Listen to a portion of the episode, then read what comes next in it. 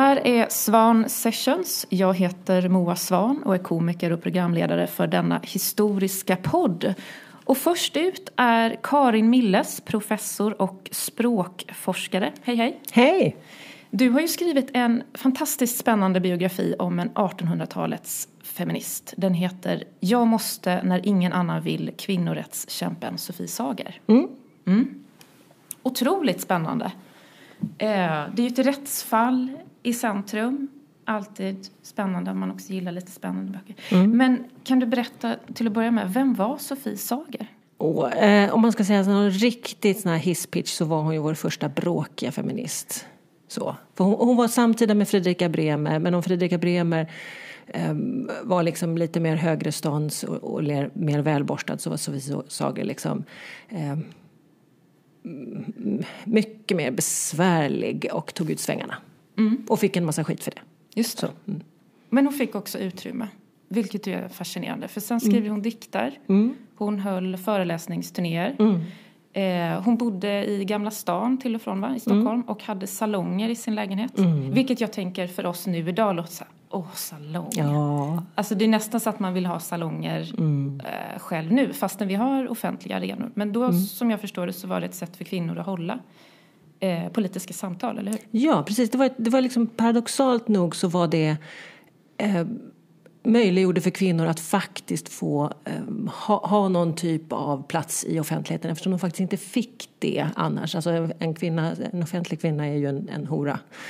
Helt enkelt. Så att, men helt plötsligt när man började kunna umgås, på, liksom, eh, ha kulturella och politiska samtal i hemmen så, så plötsligt var det kvinnorna som blev ledande där just för att de var ju hemmets härskarinna. Så det är liksom en, en härlig paradox där att just att kvinnans sfär var hemmet gjorde att när salongerna liksom exploderade så var det där det hände. Mm. Det var fantastiskt. Ja, så nu tänker jag om man har eh, föreläsningar i Gamla stan är det en bra adress. Mm. Liksom så. Verkligen. Eh, men hon blev ju kändis då kan man väl säga genom ett rättsfall. Och det kom ju att prägla hennes liv, särskilt den tiden Mm. i Sverige. Mm. Eh, hur såg den resan ut? Vill du, vart ska vi börja någonstans? Jag tänker att det är en central del av hennes liv. Mm. Ja, men man kan väl börja med hennes eh, resa till Stockholm. Mm. För det, liksom det, det, det, är verkligen, det, det, råkar, det råkar sammanfalla med att 1848 när hon kommer till Stockholm Mm. eh, hon ska försöka försörja sig Mm. eh, som sömmerska. Hon kommer från Småland, eh, har lite fattiga omständigheter. Oklart om hon har liksom kunnat, hon har kanske jobbat som, som guvernant eller hjälpreda under några år. Och hon har inte blivit gift. Mm. Så hon saknar liksom en, en säker försörjning och måste försörja sig själv. Och kommer då till Stockholm där det har öppnat upp lite för kvinnor, att kvinnor kan liksom försörja sig, särskilt som sömmerskor inom hantverk och så vidare. Och eh, det som händer är ju att hon vill inte bara hitta försörjning utan hon är ju mm, ung och glad och det är sommar så hon mm, går ut på kvällarna eh, och, och träffar människor. Eh, vilket gör att hon blir utslängd ur det hyresrum som hon har. Så, för, för där tycker de att så här kan inte en kvinna bete sig. Hon går till exempel ut utan hatt en kväll. Utan hatt. Utan Ja. hatt. Hon sätter på sig en sjal.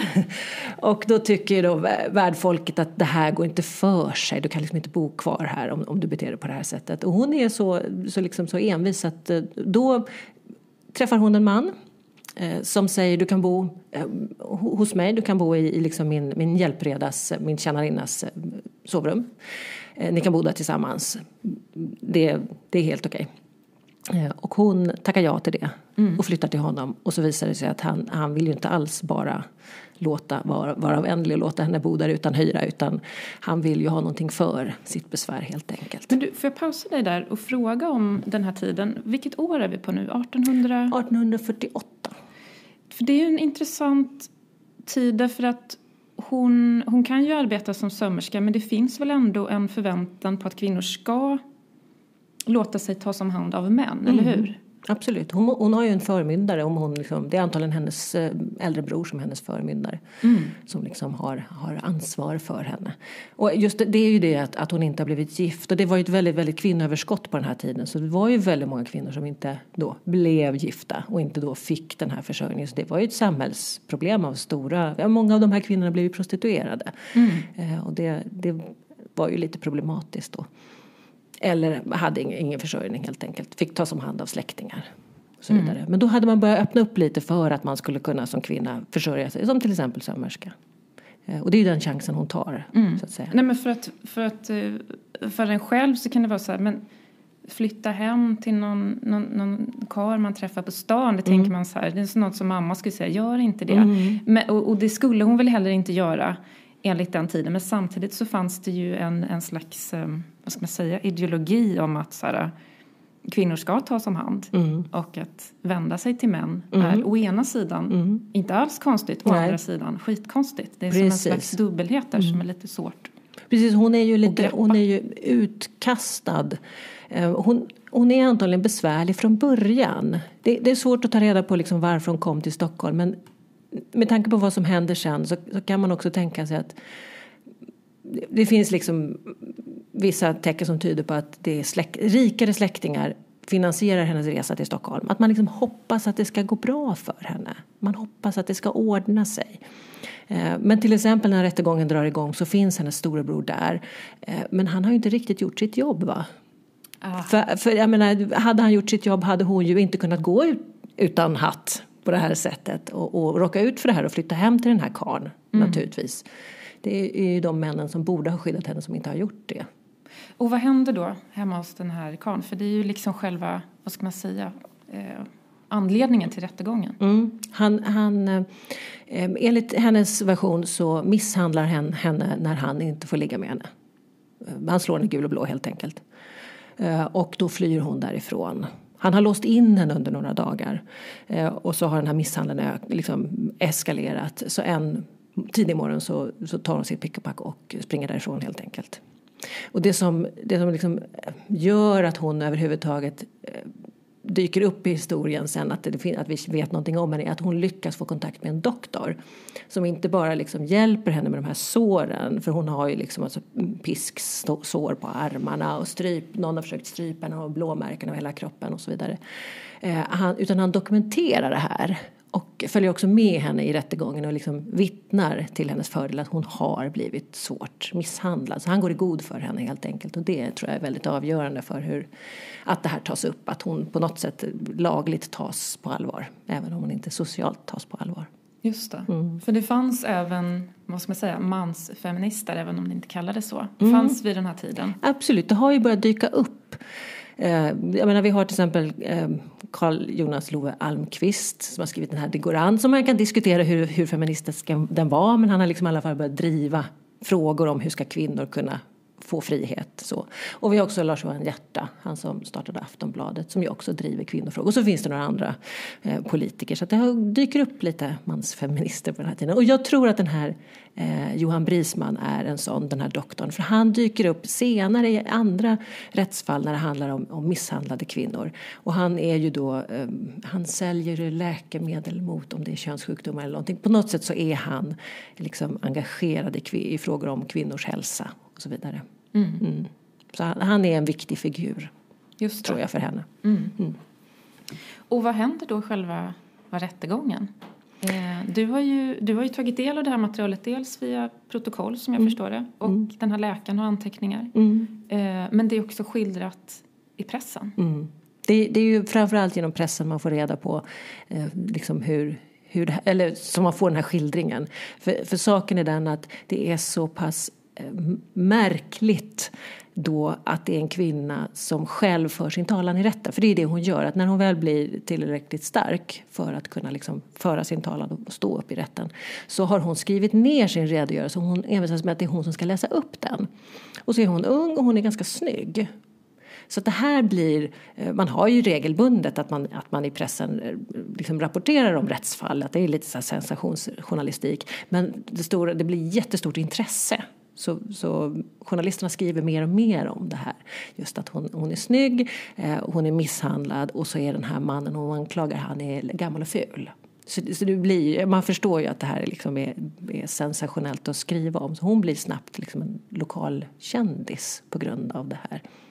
Ja, jag blev lite nyfiken på hur, hur når de här tidningarna ut i landet? För vi kommer komma till det sen, men, mm. men hon, hon ger sig ut på föreläsningsturnéer och så och mm. då vet ju folk också mm. vem hon är. Mm. Hur, hur ser den här spridningen ut? Jo, men det har liksom, pressen har ju exploderat under de här åren. Eh, pappret har blivit billigare och, och kommunikationen har blivit lättare så att liksom, eh, det som skrivs i Stockholms eh, Dagblad kan med tåg färdas ut i landet. För det är mycket så nyheterna nu när jag suttit i arkiven, de här digitala arkiven och läst press om henne så är det liksom samma artikel som dyker upp med några dagars mellanrum i många av de här lokalbladen för att man prenumererar på dem och står det en, en liten nyhet i Stockholms Dagblad så, så skriver man av den bara i Örebro Tidning eller Jönköpings Tidning.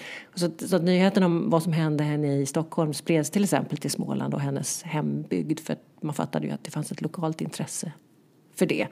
Så att det finns en stort, bland, bland journalister och tidningsutgivare så läser man varandras press helt enkelt. Mm. Men de ska tuffa igenom på tåg De ska först. tuffa igenom på tåg. Ja, så det tar lite tid. Mm. Och Telegrafen, har den kommit än? Åh, oh, vilken bra fråga. Det var inte meningen att ställa en Nej, precis. Jag vet, jag vet men jag tänker det är också inte. väl en sån här faktor som gör att kommunikationerna också mm. rappar på. Sen precis. har väl inte alla tillgång eller man kanske inte håller Nej, på men det, men det, precis, det håller ju på att byggas ut här. Mm. Mm. Och vad är det då som gör den här rättegången, du var inne på det lite, vad är det som gör den så enormt, vad ska man säga, eh, känd?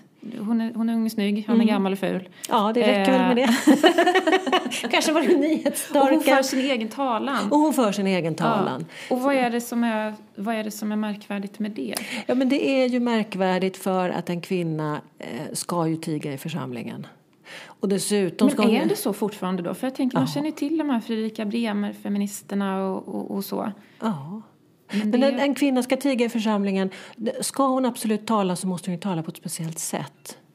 Um, alltså hon, hon kan inte, alltså Fredrika, även Fredrika Bremer fick ju kämpa hårt för att få tala om det hon ville ville tala om.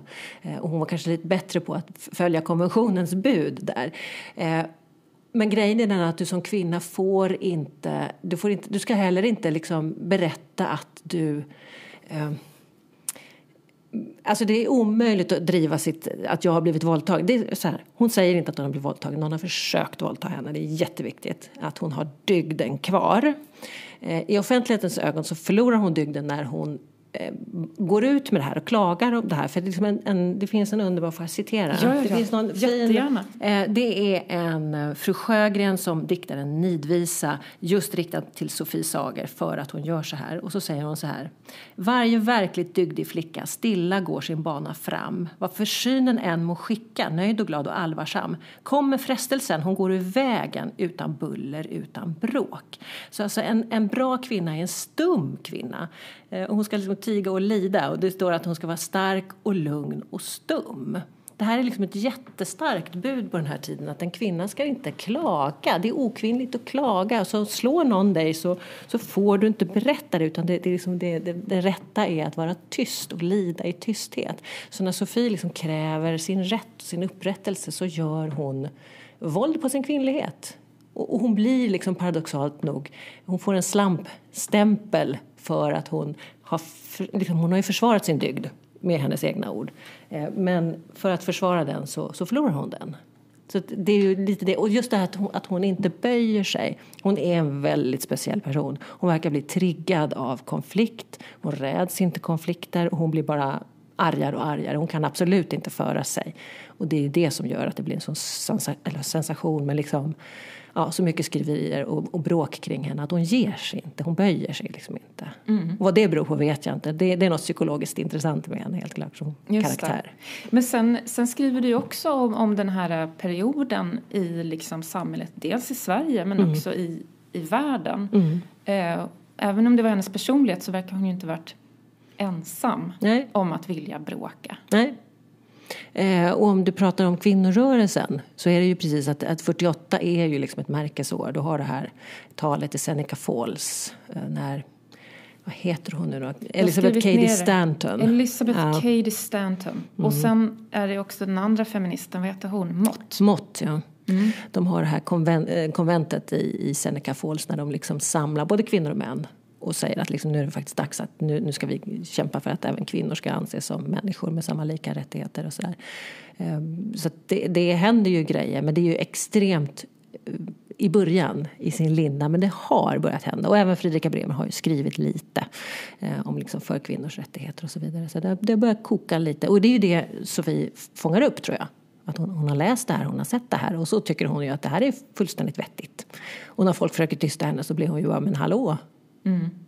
Ja, och sen är ju hon också lite, jag tänker, ehm, det man kan säga om flera kvinnor som är kända feminister förr är att de oftast tillhör någon slags borgerlighet. Mm. Och här är ju Sofie Sager också, kan hon också ha tagit in mer de här socialistiska Ja, det verkar, som att, ja men det verkar som att hon är lite, för precis det här 1848 är liksom ett märkesord även för eh, kommunismen. Alltså vi har ju det här kommunistiska manifestet som liksom kommer ut 1848. Det har börjat samlas, grupp, grupperingar av män framförallt har börjat samlas liksom, i kommunistiska små sammanslutningar. Så det händer grejer. Mm. Eh, och hon är definitivt, hon kommer ju från någon typ av, liksom, inte, inte underklass, men hon kommer ju från, det har liksom gått dåligt för hennes far. Eh, det finns präster i släkten men hon är fattig, hon har blivit faderlös och mamman hamnar ju så småningom på fattighuset. Så hon är någon slags underklass men hon har ju också fått gå på då Eftersom det finns rika släktingar som kanske har finansierat att hon har fått gå på en flickpension och lära sig saker så att hon har pretensioner och vill upp. Eh, så, så att hon är en intressant när det gäller, hon är definitivt en klassresenär så där, där kanske de högre klasserna inte vill släppa in henne riktigt. Men hon tycker ju verkligen att, att hon har rätten på sin sida. Både för att hon som kvinna är en del av mänskligheten och för att hon tycker att hon har liksom, eh, har bildningen och borde kunna få säga saker och tycka saker och bli tagen på allvar. Och så blir hon inte det. Mm. Mm. Du nämner kommunistiska manifestet mm. i din bok. Eh, men hur mycket har du funderat på det själv? Tror du att hon... Eh, du skriver ju att när hon flyttar till Stockholm att hon är ute och, och, och rör sig i stan mm. och sådär. Tror du att hon... Kunde man få höra liksom agitatorer eller tror du mm. att hon liksom snappade upp de där politiska den här gatumiljön? Eller hur det ja, jag ut? tror det. Och, och, jag tror inte, det var inte så att folk agerade på gatorna för att det var ju, det var ju förbjudet. Det var liksom inte ett fritt land 1848 utan det slogs ju ner. Även Sofie Sager fick ju alltså, eh, blev ju hotad av, av lagen, polisen, att, att hon skulle få ha de här salongerna så att man fick inte träffas och eh, diskutera politik helt fritt. Och det hade varit, stora upp, det hade varit liksom upplopp i Stockholm eh, strax innan hon kom till Stockholm när man folk hade kastat gatsten och demonstrerat. Och vi hade Paris, alltså det, här hade spritt sig från Paris där man hade mycket större upplopp. Så det var en orolig tid där det absolut inte var helt okej okay att, att ta ut svängarna politiskt. Så. Eh, och det tror jag definitivt hon hade snappat upp men hon hade nog snarare snappat upp det på till exempel jobbade hon på café ett tag. Och där möttes ju folk och pratade politik. Det här är ju ingenting man kan veta säkert och att hon får idén att hon ska ha en egen salong. Hon gick väl säkert på andra salonger. Och som sagt, hon hade väldigt lätt för att få kontakt med män. Och hon var snygg och hon, hon upp, verkar ha uppskattat mäns sällskap. Så jag tror säkert hon eh, hade hört mycket och deltagit i diskussioner och lyssnat och snappat upp grejer. Och hon skriver, hon, liksom, det finns en del såna socialistiska eh, budskap i hennes dikter. Hon har någon dikt där hon skriver om att Jesus var var socialist eller stod på arbetarnas sida ja. eller något sånt där liknande. Så hon var helt klart influerad av det. Just det. Mm. Jag tror att du skriver också att de här uh, Elizabeth Cady Stanton och de i USA också, att man använde religionen, att det mm. var viktigt att få med den. Ja, mm. vi hade ju heller ingen religionsfrihet utan det var påbjuden kristendom. Mm. Mm. Toppen. Så det, var, det, var, det var ett sätt att, att kunna ta sig ton, det var att just hävda att man har Gud på sin sida. Mm. Ja, och sen funderar jag på vad som händer efter rättegången där. Ehm, de ger ju ut, som jag förstår det, liksom en separat skrift. Mm. Liksom på tema Sofie Sager. Och hon får ta ett eget mm. typ av fotografi, som mm. jag förstår det. Mm. Eh, och förutom delar av rättegången så får hon även skriva till sin egen mm. text. Eh, hur, hur gick det där till? Ja, det är jättemärkligt. Men det, det var ju liksom, man gjorde ett särtryck. När man märkte hur, hur spännande folk tyckte det här var. Så samlade man ihop just eh, alla inlagorna till rätten. För det hade ju väldigt många hade ju då, det var inte bara hon som hade en, en skriven inlaga utan det hade ju även den Gustav Möller som hon anklagade och, och en massa andra vittnen. Så det fanns en massa text som någon smart person tänkte att det här sätter vi ihop till en skrift och det blev ju då sag, det så kallade Sagerska målet. Och så kostar man på en fotografering som man sen gjorde en sån här eh, dagrotopi av. Nej vänta nu använder jag fel ord. Men man gör en teckning av det helt enkelt så man kan trycka den. För det var ju lite försäljningsargument att det fanns ett porträtt av den här snygga tjejen. Okej. Så. Gud, det är så bisarrt. Eh, men, men har du då hållit den här skriften? Finns den kvar? Jag har inte hållit i det fysiska ex- exet, det finns ju på KB. Ja, Men vem som helst kan, just det, och vem som helst kan ju ladda ner det för de har ju härligt nog gjort en digital kopia så alla kan ju titta på den. Men inte lukta och känna? Ja, Men inte lukta och känna. Man, tänk om man fick lägga vantarna på liksom ett ex av Sagerska mål, det vore ju jätteroligt. Ja. Mm. Men du är ju också du är språkvetare. Mm. Och det märker man också i din eh, biografi. Du kommenterar ju hennes språk. Vilket, Mm. vilket jag tycker är jätteroligt. För att som jag förstår det så kan man liksom utläsa av att läsa någons text. Alltså det här är Mm. ju över 150 år sedan, eller hur? 170 år sedan. Då kan man ju utläsa vilken, vilken samhällsposition man har. Mm. Eh, vilken klass man tillhör. Och det kan ju du göra då genom den här Jag texten. Jag det. läser du har ju med flera citat. Jag läser gammal text, gammal text. Huvud och. Och, Ja. ja. Men du urskiljer ju här eh, en hel del saker och även en slags utveckling som jag förstår. Nej, men jag, tror ju, jag tror ju att man kan, man kan dels läsa att, att hon är någorlunda bildad, som sagt att hon har läst. Hon har ju mycket lånord. Eh, att hon skriver K4 istället för frisyr. K4. Ja. K4, ja, frans, det är mycket franskt.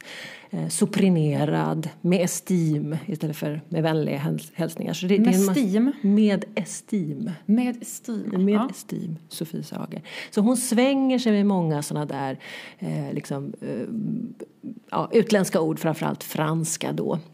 Som tyder på att hon mm, har vissa språkkunskaper. Eh, och sen så är hon ju också, jag tror att hon är väldigt bra på att härma, att hon är språkbegåvad. För när hon skriver inlagor till exempel till rätten så har hon ett fruktansvärt tillkrånglat juridiskt språk. Alltså får jag testa att läsa? Ja, jag har Eh, det citatet så det är Får jag testa att läsa det som hon har skrivit då till rätten? Till åtlydnad av kongl, kong, kungliga, Kungliga, Mm. hovrättens, sa de, hov, läspade de förr eller? Nej, de sa nog hovrätten. De sa inte hovrätten? Okej. Mm. Hovrättens föreskrift får jag avgiva förklaring över stallmästaren Gustav Adolf Möllers här hos återställa bestär utemåt. Ja, det är väldigt omständigt. Mm.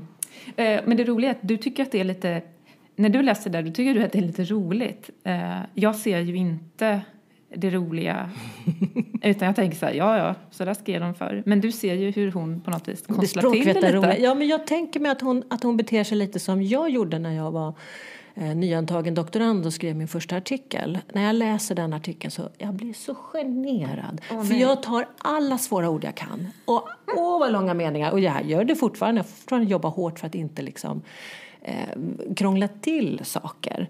Eh, och man gör ju ofta det när man lär sig någonting nyss. Att man, lite som tonåringar på högstadiet, att de sminkar sig och har så jättemycket parfym på sig.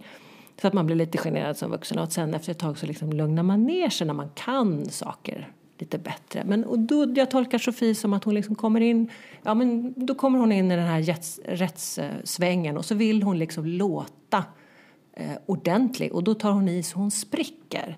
Vilket för en jurist, jag vet ju inte, jag är inte jurist, det kanske är jättevettigt skrivet det där. Men för mig ser det lite roligt ut. Eh, så Angående av liksom- mig väckt åtal för mig övergången våldsam behandling av bemälde stallmästare. Mm. Ja, så att, som jag förstår det så liksom, han, han, han stämmer tillbaka henne då för Ja, förtal. ja. Så att någon som anklagar någon annan för, för våldtäktsförsök blir stämd för förtal. Det känns Det som vi- att man känner igen det. Inget nytt under solen. Nej, precis. Det är samma. Eh, men, men det får i alla fall ett slut. Ja, Ja. det får ett slut och det är han som åker dit. Så. Eh, Och det händer inte så mycket så att han, jag tror att han, han lämnar landet och så. Han, han försvinner liksom in i dimmorna och så vidare. Men inte efter en Bra. viss, visst bråk. Och just som sagt, när han stämmer henne tillbaka då, då blir det lite jobbigt för henne. Och då försöker hon slingra sig och dyker inte upp. Och så där. så det är väldigt utdragen rättsprocess och man märker att, att eh, rättssystemet är ganska trötta på de här två på slutet. Mm. Så, så att det är liksom, kanske lite antiklimax den här rättsprocessen. För att hon går ju vidare. Mm. När hon liksom har fått säga vad hon vill i rätten så går ju hon vidare. Hon måste ju försörja sig så att jag tror även hon blir lite trött på det här och inte så intresserad av att driva rättsfallet. När, när det nu riskerar att hon ska åka dit för böter och så vidare. Mm. Det böter är inget kul. Nej, det är inget kul. Eh, men du, du, du formulerade ju som att hon går igenom den här att först vill hon försvara sig själv mm. och sen händer någonting där hon vill försvara alla kvinnor. Mm. Det är ju faktiskt rätt Någon spännande. Slags feministisk ja, uppvaknande. Ja, det, jag kan inte tolka det som något annat. Att liksom, från den här känslan av att att, att själv ha varit utsatt för någonting så drar hon slutsatsen men vänta det här gäller ju faktiskt inte bara mig utan det gäller ju alla. Och så lägger hon, börjar hon lägga energi på att liksom tala för alla kvinnors frigörelse och rätt att gå på stan utan hatt. och rätt att ta, ta ett glas i goda vänners lag. Och, det är väldigt, jag tycker att det är också väldigt roligt, alltså som, som lesbisk kvinna så tycker man det är roligt att, att kvinnor slåss för rätten att umgås med män. Mm. Men, ja. Så det tänker man, det hade mm. man gärna velat slippa. Mm. Men det är klart att det är praktiskt att man får lov att till exempel studera på högskolan eh, mm. trots att det finns män där. Det mm. gör ju faktiskt livet eh, lättare. lättare. Ja, precis. för hon håller ju salonger och eh, eh, där måste hon ju då anpassa sig. För att kvinnor ska få höra budskapet om befrielse måste mm. hon också anpassa salongerna. Mm. Hon är ju inte jättebra på att anpassa sig som sagt. och, och, och hon, hon gillar ju manligt sällskap. Mm. Jag vet ju egentligen inte så mycket om hennes eh, sexualitet men hon lever ju heterosexuellt hela livet. Och hon verkar ha lätt för att få kontakt med män och liksom hitta manliga allierade. Så. Medan hon söker, åtminstone i sin feministiska gärning så vill hon ju att kvinnor ska sluta sig samman och hjälpa varandra men det finns inga tecken på att hon har några kvinnliga vänner eller allierade överhuvudtaget. Så att hon verkar vara väldigt manligt orienterad. Mm. Så att hon, hon, och det kanske är bra, då kan hon liksom som en murbräcka ta sig in i de här manliga bastionerna även om hon får väldigt mycket skit för det som sagt. Mm. Mm. Nej, men det är helt otroligt, du skriver ju om hennes föreläsningsturné hon får ju mm. dras med de här liksom taskiga kommentarerna. Mm eh, hela tiden. Men vad är det för frågor då hon lyfter? I sin salong och när hon väl är ute och föreläser? Mm, ja, men det handlar mycket om att, eh, att kvinnor då ska ha rätt till bildning eh, och ha rätt att, att liksom, eh, frihet och just det här att de ska kunna eh, gå gatan. Mm. Eh, inte protestera, utan gå på gatan rent konkret. Ta sig ut, umgås med folk utan att de måste ha en man i sällskap eller ett äldre förkläde. Så liksom kroppslig frihet att få, få röra sig fritt. Hon, det verkar också som att hon tycker att, att, män, att kvinnor ska få rösta.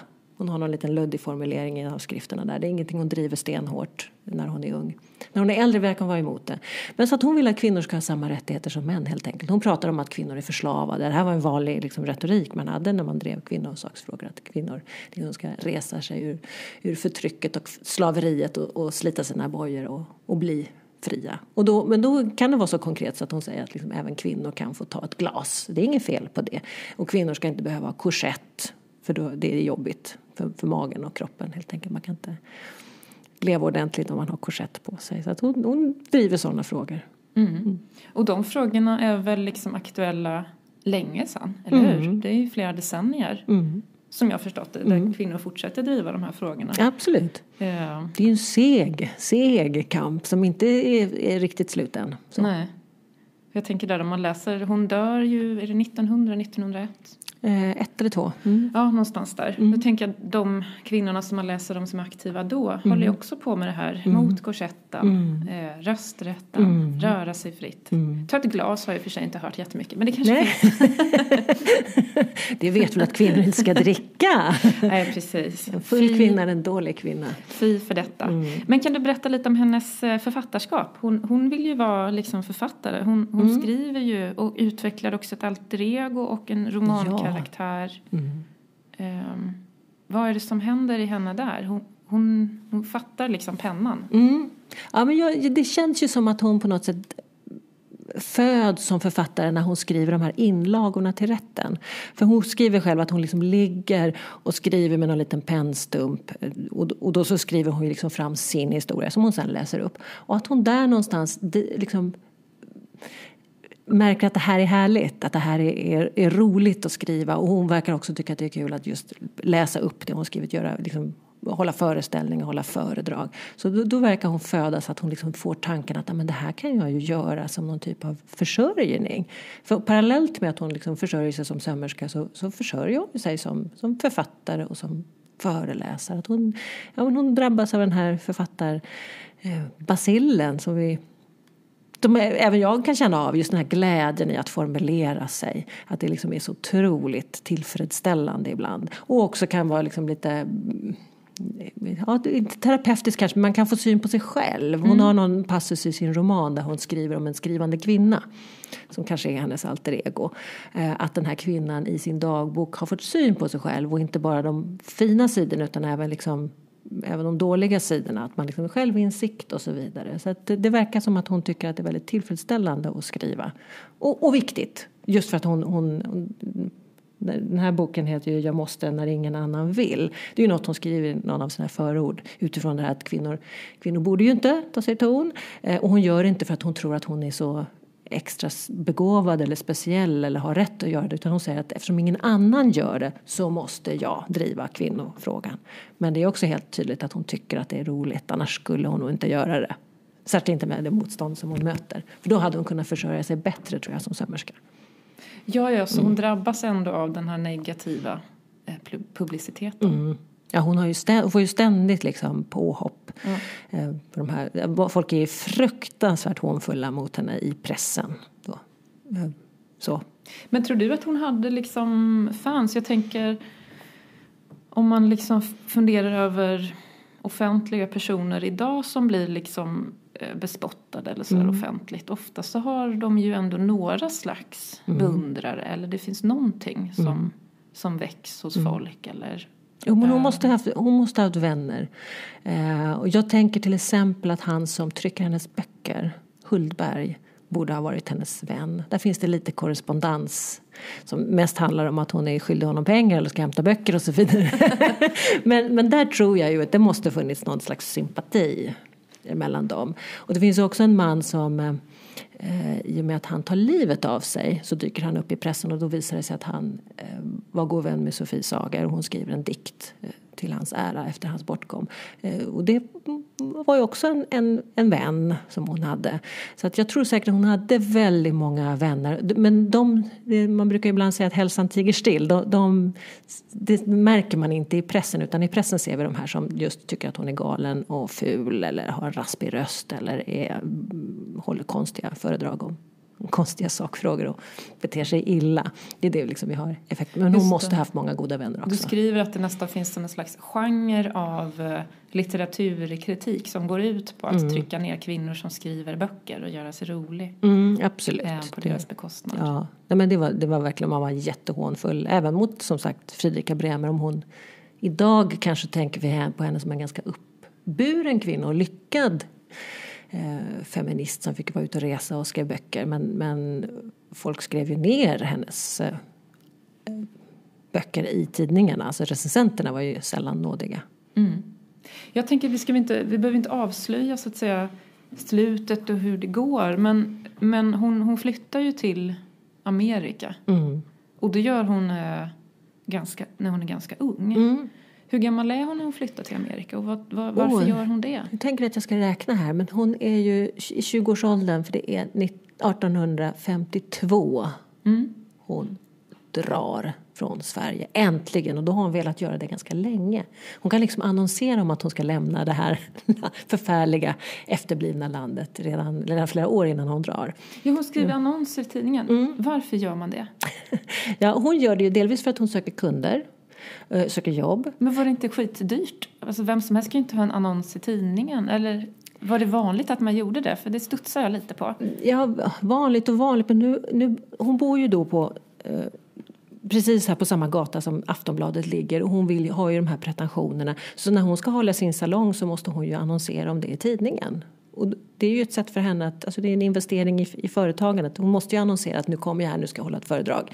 Eh, så här, här kan du köpa min bok. Så det är ju hennes sätt att, hon gör reklam för sig själv helt enkelt. Det är mm. klart att det kostade men... Men det var ändå liksom inom ramen för vad hon för hade råd med förmodligen. Absolut. Och vad som Och han behövde ju antagligen ingen porto då, han behövde bara springa iväg Springa med annonsen Ja, igen. annonskunden. Hej. nu vill jag ha en ny igen. Och så skriver hon flera gånger att hon ska resa. Men, men så gör hon inte det. Men Mm. Nej. till slut så reser hon. Till slut så reser hon faktiskt. Och det vet vi heller inte om hon betalade det själv eller om det var släktingar. Det, det går också rykte att släktingar var så trötta på henne att, hon, att de bekostade att nu får du emigrera, varsågod. Det var ju väldigt vanligt under den här tiden. Det var den här första emigrationsvågen så det var ju inget, hon var ju inte ensam om, om att fara. Men hon var en av de tidiga. Mm. Ja, för vissa sociala förändringar hade väl liksom gått lite snabbare va? Mm. I, i Amerika vid den här tiden. Och hon ser ju det som framgångslandet, att där, där har kvinnorna större frihet till exempel. Och man kan liksom försörja sig lite lättare och man blir inte lika, li- lika trampad på. Och dessutom har hon en chans att börja om.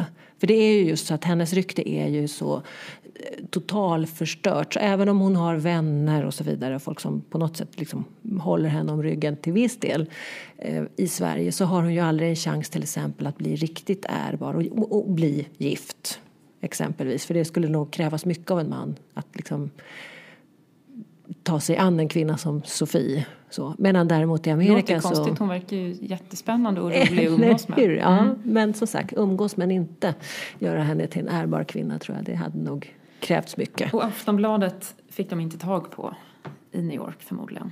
Nej, så att, och hon gifter sig här också inte heller med en svensk. Eh, Så det är mycket möjligt att hon kunde börja om eh, sitt liv där, att liksom sudda ut. Dels är hon ju också hon är ju övertygad om sin egen förträfflighet så det är också svårt och jag tror att hon liksom hon bara körde på och tyckte att hon hade rätt. Så jag tror att det var helt rätt för henne att emigrera där hon liksom inte hade de här kladdiga skriverierna och ryktet omkring sig. Och så hittar hon, hon lyckas ju hitta en, en karl som är lite av samma skrot och korn som också har liksom haft det lite mm, trassligt med politiken i sitt hemland. Emigrera till USA, där kan de hitta varandra och börja på ny kula. Jätte, jättebra lösning tror jag, för alla parter.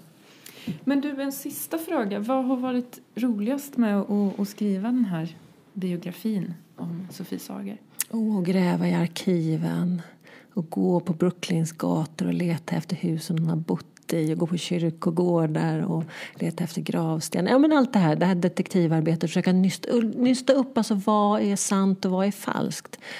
Och, och det här med hennes eventuella barn som hon föder utanför äktenskapet. Och, och ja, men hitta skriverier och söka och söka en gång. Det finns så fantastiska digitala resurser. Mesta forskning har jag gjort hemma från köksbordet. Alltså jag, jag lyckades vara i Brooklyn kroppsligen också. Men jag hittade ju väldigt, väldigt mycket bara hemma. För att det finns de här digitala arkiven. Eh, Och väldigt mycket skrifter som är digitaliserade, väldigt mycket tidningar som är digitaliserade. Och att då liksom bara skriva ett, in ett nytt sökord och hitta ett nytt litet barn eller en liten son eller en ny adress. Ja, det var får man, ju, får man ju lägga till att du är ju ingen novis på detta. Du har skrivit biografi om Agneta Horn, du har skrivit om jämställt språk, du har även skrivit om eh, könsord, olika ord för genitalier i historien. Så att jag kan tänka mig att det är inte heller vem som helst då som begär de här digitala arkiven. Hello, it's me, Corey Mills. Oh yes, it's Corey Mills. Well, of course, you can have it all. Ja, jag tror inte jag blev så specialbehandlad. Men, vissa- men jag kanske hittar dem, jag kanske känner till dem. Ja. Och jag vet var jag ska leta och jag liksom, ja. Och så är jag kanske lite envis, ja, men det kanske man har som forskare, att man, att man är envis och man tycker att det är roligt att sitta. Jag tycker det är roligt att sitta på förmiddagarna, gå upp, äta frukost och sen sätta mig och så, och så bara förlorar jag mig i de här arkiven och så bara timmarna går och det är så roligt. Tack så jättemycket, Karin Milles, för att vi kunde prata om din bok om Sofie Sager. Tack själva, jättekul! Ja, vad härligt. Tack. Det här programmet gjordes av Moa Svan. Och musiken är gjord av Sabina Värme.